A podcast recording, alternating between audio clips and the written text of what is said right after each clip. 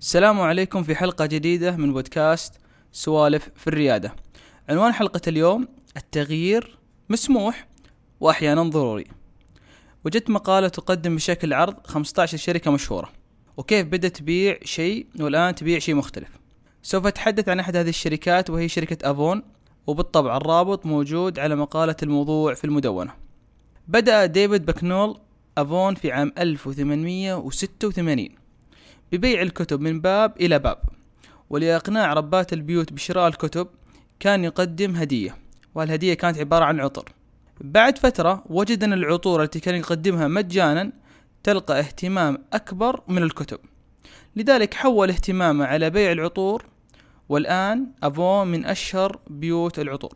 والآن نتحدث عن خدمة قريبة من وقتنا الحاضر. ألا وهي تطبيق باث باث من التطبيقات التي بدأ الكثير يستخدمها ولكنها لم تبدأ كما هي الآن.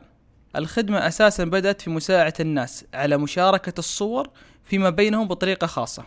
ولكن المشكلة في تلك الفترة وعلى الرغم من الضجة الإعلامية التي حصلوا عليها لم تنطلق الخدمة كما كان المؤسسين يتمنون. ربما لوجود العديد من الخدمات التي تقدم نفس الميزة المشاركة ومن ضمنها طبعا الانستغرام أدرك من يعمل في باث إذا كانوا يريدون الاستمرار عليهم التغيير عن وضعهم الحالي. لذلك عادوا حساباتهم وقدموا لنا باث اللي نعرف الآن بشكلها الجديد وكان الهدف أكبر ألا وهي أنها تحتضن يومياتك التي تريد أن تشاركها مع من هم مهمين لك. الخدمة الآن أنجح بكثير مما كانت عليه في السابق ووجدت لنفسها سوق لا يوجد على حد علمي أحد ينافسها عليه. إذا ما هو وجه التشابه بين أفون وباث التغيير.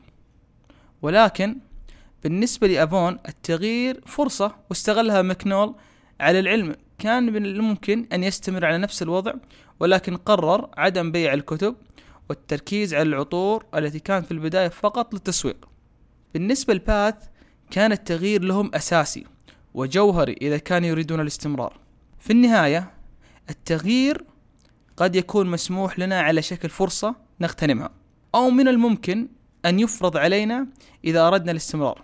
ولكن المهم ألا تغفل عن أهميته ولربما يكون هو طوق النجاة لمشروعك. ومع السلامة وبمان الله.